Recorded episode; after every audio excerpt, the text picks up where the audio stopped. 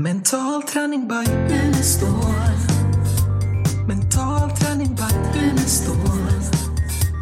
Mental... Hej och välkommen till podden Mental träning by Unestål.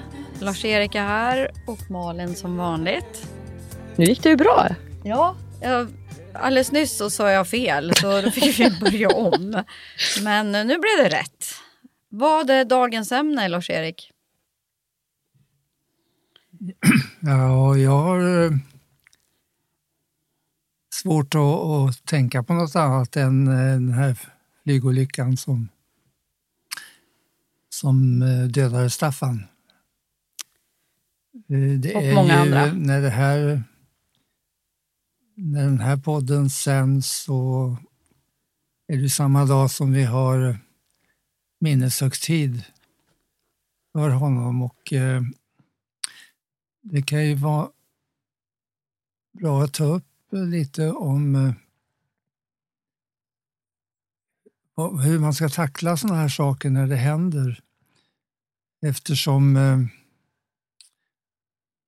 eh, det enda vi vet om livet är att, att det så småningom tar slut. Livet är ju egentligen den mest dödliga sjukdomen som finns eftersom det alltid slutar med ett slut. Sen är det fråga om om det är eh, slut på livet eller om det är en övergång till eh, ett annat liv. Det finns ju många som menar att eh, istället för att säga döden efter livet, säga livet efter livet. Att man går vidare. Och det är sådana tankar som kommer upp när sånt här händer eftersom Staffan var ju bara 33 år och tycker att det är ett alldeles för kort liv. Å andra sidan så jag brukar ibland prata om eh, när jag pratar om åldrande så pratar jag om eh, att lägga, när det gäller mental träning för åldrandet, så pratar jag om att lägga liv till, att lägga år till livet och liv till åren. Och egentligen är ju det kanske det viktigaste, vilket liv vi får och inte kanske hur långt det är i sig. Eh, och där kan man väl säga att Staffan fick under de här 33 åren ett väldigt levande liv, ett väldigt innehållsrikt liv. Mer än kanske de flesta hinner med under tre gånger så långt liv. Så att, eh, men jag vet inte hur, hur ni upplever att eh, man tacklar det här. För i början blir det ju väldigt mycket av svårt att acceptera, ett förnekande eller att man inte kan ta till sig någonting sånt här ofattbart som händer. Men eh, det måste ju övergå sen i en acceptans för att kunna jobba vidare med, med sorgen. Så länge man inte tar till sig det, då, då kan inte sorgarbetet fungera ordentligt heller. Eh, jag vet inte vad ni säger om det. Att, Ja, alltså det... Om jag bara tänker på vad som har hänt i mitt liv. Det är lite olika. Alltså, om man tänker... Den första som jag kommer ihåg eh, dog, som, var, som jag hade en nära relation med var min farfar. Men han var ju 98 år när han dog. Så där blir det ju liksom på något vis att han, har, han hade levt ett fullvärdigt liv och det var liksom mer eller mindre dags för han att ta sig vidare. Så där blir ju sorgen på ett annat vis. Där är man ju liksom omedvetet förberedd att det kommer att hända. Eh, men sen när det händer olyckor som med Staffan och min pappa fick en hjärtinfarkt och gick bort väldigt snabbt, liksom inom någon vecka. Eh, då blir det ju på ett annat vis, för det blir ju, man hamnar i chock och för, som du säger, förnekelse. Och jag kommer ihåg att jag hade otroligt svårt att acceptera att min pappa var borta. Eh, det tog ju kanske sex, sex år innan, innan jag liksom hade kommit vidare ordentligt. Faktiskt. Sen eh, var det ju mamma och hon var ju sjuk under lång tid och fick cancer och då blir det på ett annat vis också. Så där är det, liksom blir ju, det är många olika parametrar för där, där är det ju hopp, hopp och förtvivlan. Att ibland tror man, tror, liksom, tänker man att det här klarar nog inte och ibland så tror man att de klarar det och skulle klara det. Och, eh, ibland kände man sig hoppfull och och sen när det liksom hoppet är ute och det liksom finns inget återvändo, att det här kommer att ske. Hon kommer att gå bort för att det finns inget mer att göra. Då, då får man ju se det här lidandet också. Eh, när någon har väldigt ont och allt vad det är. Och då, ja, det, är, det är mycket tankar i huvudet där man inte vill att någon ska lida och må dåligt. Mm. Så att, alltså det finns så många olika varianter. Och när barn dör, då är det ju också... Alltså det är ju otroligt svårt att acceptera. Mm. Och det har vi också mm. haft i vår familj alldeles nyligen. Så det, ja, det är mycket som snurrar i huvudet, vad livet och döden är. Vad säger du, mm. Malin? Det här med mm, Staffan och hela den biten är ju väldigt svårt att ta till sig. Jag tänker, min mamma har alltid sagt det också med att när barn går före sina föräldrar, det är, jag tror att det är den största svärtan att ta till sig. Liksom, mm. På något sätt. Eh, och jag är ju väldigt mycket, mina föräldrar är gamla, så jag känner att jag försöker vara väldigt mycket i nuet och vara väldigt mycket med dem. Då, istället för att känna att jag inte har gjort det nu, för de, de har jag nu. Liksom. Så mm. jag är nog väldigt mycket i det tänket just nu, att jag värderar att vara med dem, mm. medan jag har dem. Mm det finns ju två delar i det här. Det ena är ju sorgen när man mister någon och eh, det här med förluster eh, kan man se, det fanns någonting för 15 år sedan som man kallar för, för eh, livsförändringsindex som var kopplat till stress och eh, svåra sjukdomar. Eh, och livsförändringsindex eh, kunde man räkna ut under ett år genom att man tittade på eh, svåra händelser som hade hänt och hur man reagerade på det. Och där var det en skala från 0 till 100 och det som kom högst upp på de skalorna det var just förluster. Förluster av nära anhörig, förluster av eh, till exempel skilsmässa, förluster av arbete och så. så just förluster eh, kom väldigt högt på dem, den skalan och orsakade då, man kunde se kopplingar mellan sjukdomar och olyckor och ett högt livsförändringsindex. Men tittar man på förlusten då så till exempel nu på fredag när vi har eh, begravning och när vi har minneshögtid så innebär det ju att eh, man kan säga att det är två delar där. Det ena är ju sorgen och det andra är ju glädjen över vad han har betytt. Det vill säga minnen som eh, man är tacksam över och som är glad. Det påminner om eh, New, Orleans, New Orleans begravning som var förr i tiden där man hade sorgemusik på vägen till, till graven och där man hade glädjemusik efteråt med Dixielands. Och... Det låter härligt. Det... Ja. Och det har jag aldrig hört. Och det är väl eh, tanken då att minneshögtiden ska, ska mm. också skapa glädje, inte bara sorgen över någon som har gått bort, utan glädjen. Eh, och Det har ju också att göra med eh, hur man ser på livet i relation till döden. Du pratade om att hjälpa någon vidare Eh, eller att gå vidare själv, men du har ju också jobbat med att hjälpa någon att gå vidare, till exempel din mamma.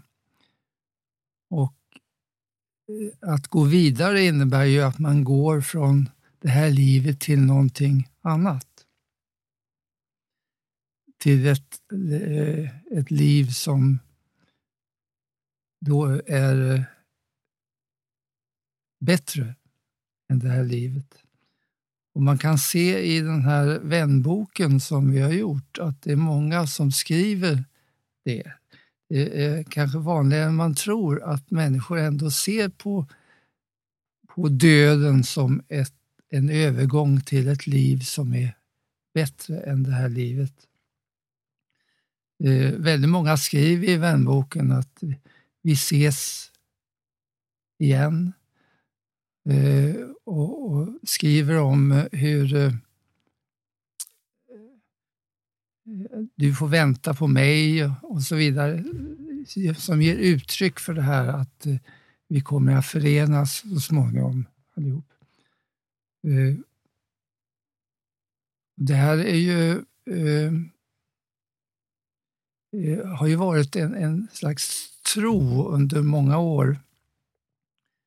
Det har varit en, eh, kopplat till religion och en tro att eh, eh, livet fortsätter. Men eh, de sista 20 åren så har det hänt så mycket vetenskapligt att man idag kan säga att det är mera vetenskapligt bevisat att livet fortsätter än att det inte fortsätter. Det finns mer bevis för att vi går vidare till en annan existens än, än att livet skulle vara slut.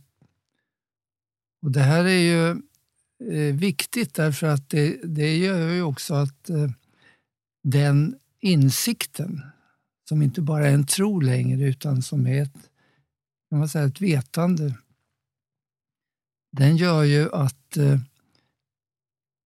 det här livet blir mer meningsfullt.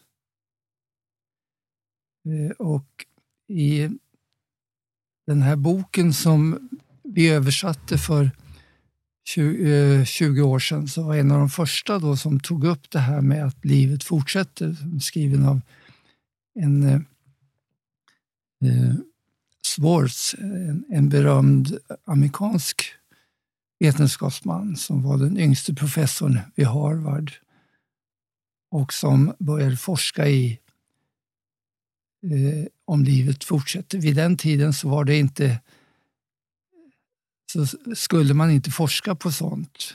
Man menar att det, det är inte vetenskapligt att forska om det. Men han menade då att vetenskap har inte med vad man forskar om, utan det har med vilka metoder man använder. Att han började använda väldigt fina vetenskapliga metoder för att titta på, är det så att livet fortsätter eller inte? Och då skrev han den här boken som vi översatte då som heter eh, Kontakt med andra sidan om banbrytande vetenskapliga experiment om livet efter döden. Och i den här förordet i den boken så skriver jag att jag har en god vän som inte tror på livet efter detta. Eh, men när vi hade diskuterat ordentligt så eh, säger han till slut, jo men du har nog rätt. Och varför han gav med sig det berodde på två saker. Dels var det så att jag sa till honom, om du har rätt och jag har fel, då kommer vi aldrig få reda på det. Men om jag har rätt och du har fel, då kommer vi få reda på det. Alltså har jag rätt. Men det andra som gjorde att han gav med sig det är att han är filosof och menar att man ska titta på effekten av saker och ting. Om, en, om man gör någonting som har en bra effekt, då är det sant. Och eftersom tron på att livet fortsätter skapar mer mening i det här livet så kan man säga att då är det sant i sig eftersom det ger en bättre effekt. Så bara det skulle ju göra att eh, insikten om att liv fortsätter oavsett om man vetenskapligt bevisar det inte skulle vara riktigt. Men nu har det hänt så mycket och bland annat har eh, eh, den här Swartz skrivit en, en, ytterligare en bok han menar att eh, det man kallar för Gud finns med i, i allting och i universum. Och han eh, har då pekat på en rad saker som, som tyder på att eh, det man har kallat för Gud är ju egentligen kanske fel. För att när människor säger att man tror inte på Gud, då måste man ju fråga sig vad är det du inte tror på? Man måste ju först definiera vad Gud är innan man kan säga om man tror eller inte. Och eftersom vi har förmänskligat Gud, klätt honom i, i mänskliga termer. Vi talar om honom och, som det vore en man eller en mänsklig gestalt. Det är det ju inte, utan Gud är ju det som finns utanför vår vanliga verklighet, det vill säga den eviga energin. Och enligt Einstein då, som, och Einstein är en av dem som, som menar att det vore, det vore eh, man kan inte utesluta Gud, menar Einstein. Det vore vansinnigt att säga att Gud inte finns med tanke på hur universum ser ut. Det måste finnas en skapare när man tittar på hur universum är konstruerat, menar Einstein. Och det är många med honom som menar samma sak. Och Einstein hade ju två saker bara som finns. Det var energi och det var, det var materia. Och de två sakerna, som är de enda som finns, går in i varann. Så vi går från en energi över till att bli en människa som är materia. Och när vi upphör som människa så går vi över till energin igen, det vill säga till, till det man kan kalla för Gud. Så att eh, det är väldigt logiskt egentligen att se det på det sättet. Och då är det ju då är det så, så intressant, att, eller då är det så läkande egentligen i sorgen att veta att Staffan nu har det väldigt bra. Han sökte ju friheten här nere på jorden. Det var därför han jobbade med fallskärmshoppning och, och därför han kände sig så fri när han var uppe i skyn. Eh, nu har han ju fått en en evig frihet. En, och eh, mm. många kommer att uppleva att kontakten kan fortsätta även när någon har lämnat det här jordelivet. Och eh, det har varit en hjälp för många att få den kontakten, kan man säga. Det gäller nog det här också. Eh. Ja, vad har ni för, för eh, råd till människor som råkar ut för sådana här saker? Alla av oss upplever ju det här då och då, att någon nära anhörig går bort. Det, och det är saker som man måste jobba med. Och allting som underlättar det jag tycker det är svårt. Jag tycker det är väldigt, väldigt individuellt. Jag, tror, jag försöker nog lyssna och finnas. Alltså det, det är så jag känner. Jag tycker det är så olika från person till person. Jag tror att det är viktigt att våga prata om sorgen och med, med andra också, så man inte stänger in den. Eh, det är ju många som, som, eh, som har kommit till mig, som jag coachar, som eh, som jag brukar göra sorgeprocesser på. Det kan vara allt ifrån att någon har dött eller att en djur har dött eller att eh, barn flyttar hemifrån, alltså vad som helst som gör att, att man känner att det inte är avslutat på något vis. Där kan man göra en sorgeprocess där, där man hjälper, eh, hjälper kropp och sinne att få, få lugn och ro också. Så att inte det här liksom ligger och tar energi år, år ut och år in. Sen tror jag det är viktigt att man förstår att det finns ju någonting som heter sorgeåret. Och jag, tidigare förstod jag inte det. Men, men när flera anhöriga har dött så förstår jag att, att det här året, varför det heter sorgeår? För att man har ju ett år där man har varit tillsammans med den personen som har gått bort. Och då kommer det ju när det är påsk och jul och midsommar och Alltså minnen kommer ju under det här året. Eh, och det, det kan man ju då hantera på olika sätt. Det kan man ju se det med glädje och tacksamhet att oj, det här fick vi tillsammans och så här många år. Eh, vilket jag tror är en, vad ska man säga, ger bättre effekt för en själv. Men samtidigt så kommer man att vara ledsen också såklart. Att när man tänker på minnen som man har haft tillsammans under det året. Sen efter det sorgeåret så, så um, tror jag det är viktigt att, att man tillåter sig på något vis att gå vidare. Och det blir lite lättare för då har man ju inte det minnet.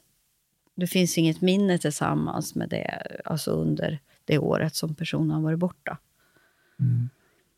Men ibland, eh, som för mig, så så eh, vägrade jag acceptera då när min pappa dog till exempel. Vilket eh, jag menar, tog otroligt mycket energi och jag var otroligt sorgsen och ledsen under... Eh, alltså, kunde inte gå till graven och, och så här. Det var jättejobbigt. Eh. Mm. Där är det, är det ju viktigt att under det här du kallar sorgeåret då, att eh, man kombinerar det med, med just den här både tacksamheten och glädjen över det mm. någon fick vara under den ja. tiden man levde. Och inte minst det som, vi, som jag var inne på nyss, nämligen glädjen över att personen har gått vidare till ett liv som antagligen är ännu bättre än det här livet. Den, den delen kommer ju att ha en stor betydelse för det här sorgeåret. Absolut. Så att eh, därför så tycker jag det är så viktigt att föra ut de här vetenskapliga bevisen som finns idag för att livet fortsätter. Och det är så konstigt att en del då avfärdar det och säger det kan inte vara sant. Som om det skulle vara bättre då att livet upphör utan att det fortsätter det borde ju finnas ett intresse hos alla att se till att föra ut de eh, de fynden som man har gjort. Eh, därför att, som vi sa, det skapar också en mer meningsfull tillvaro medan man lever och veta att det inte bara är en kort period och sen är allting slut. Så att eh, i den eh, nya boken som jag och ett par till håller på att ge ut, som handlar om gyllene snittet, så avslutar jag det med, med lite av omkring den här forskningen omkring eh, för gyllene snittet som Einstein och många andra har varit inne på, det är någonting som man kan koppla till universum och Gud. Kepler och många andra stora genom tiderna har kallat gyllene snittet för det gudomliga snittet. Man har menat att eftersom man har visat nu genom NASA att hela världen är uppbyggd på gyllene snittet så menar både Einstein och andra att det kan inte vara en slump att universum ser ut som den gör. Universum måste ha en skapare. Någon som eh, ligger bakom det hela. Sen eh, kan man kalla det för Gud då. Och då, då blir det ett annat begrepp än det, det som vi har försökt att beskriva Gud som, för vi har gjort det i mänskliga termer. Och eh, när, när vi går vidare så går vi vidare till ett, en existens som inte har varken tid eller rum, som är evig. Och då kan man inte, eftersom hjärnan är begränsad i tid och rum, så kan man inte beskriva Gud i mänskliga termer. För då blir det fel. Och det är väl det man har gjort i olika religioner. Det finns naturligtvis bara en Gud.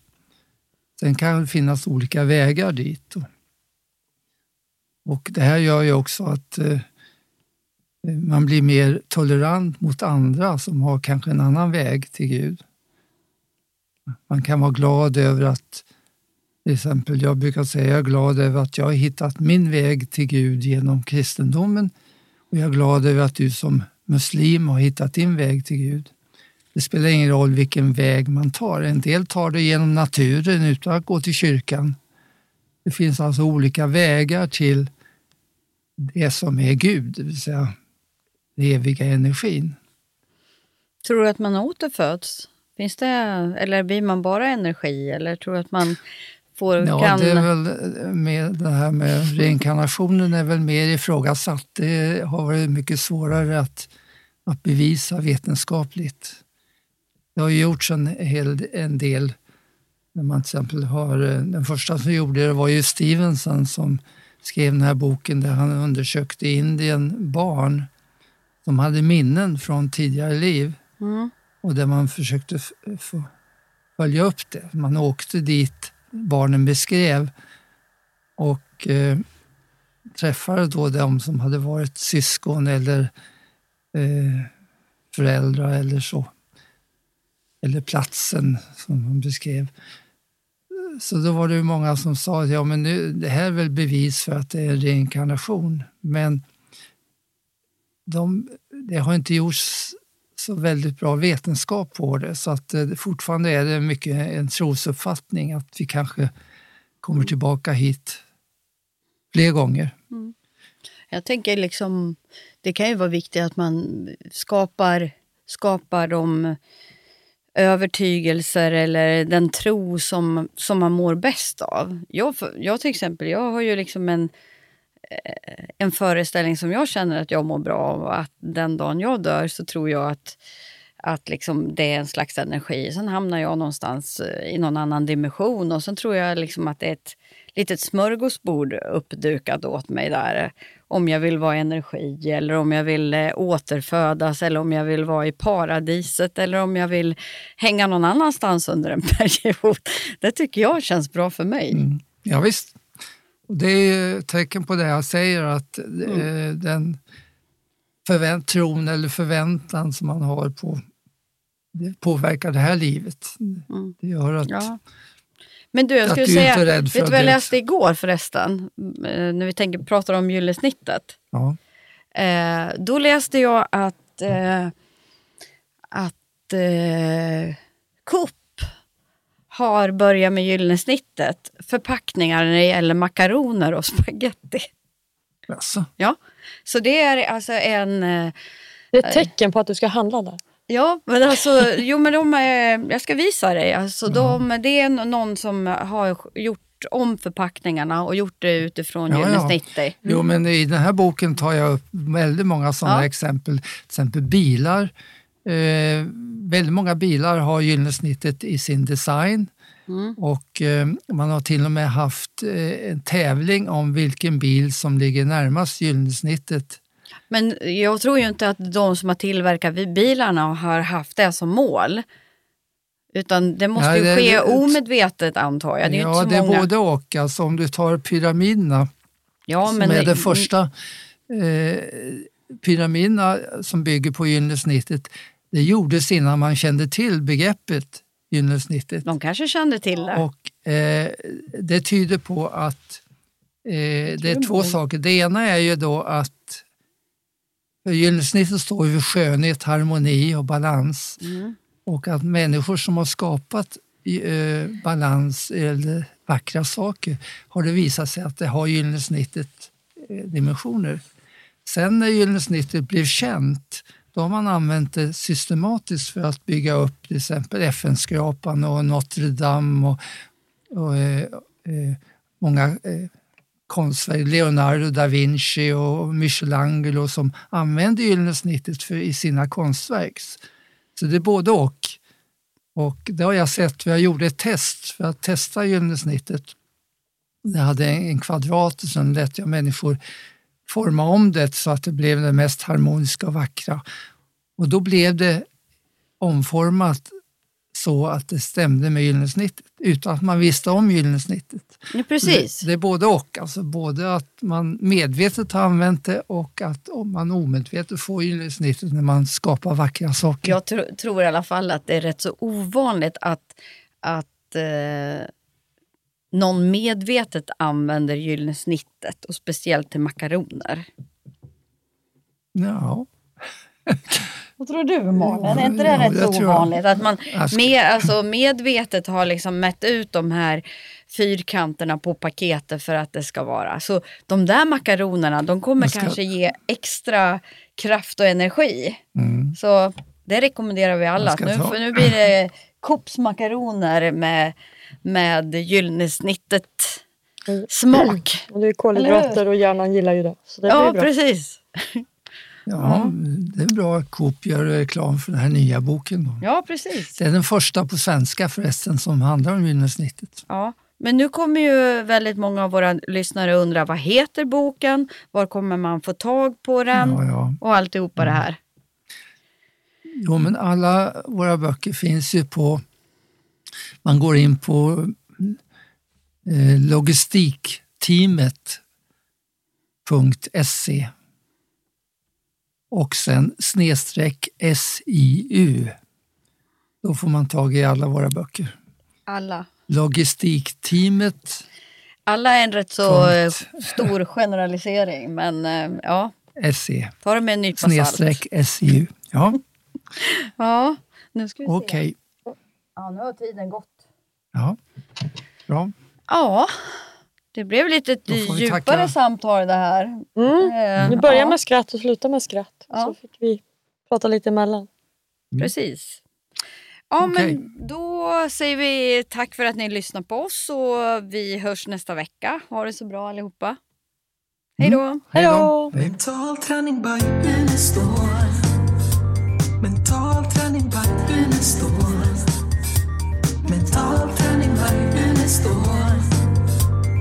Mental träning by Unestål. Hey, hey.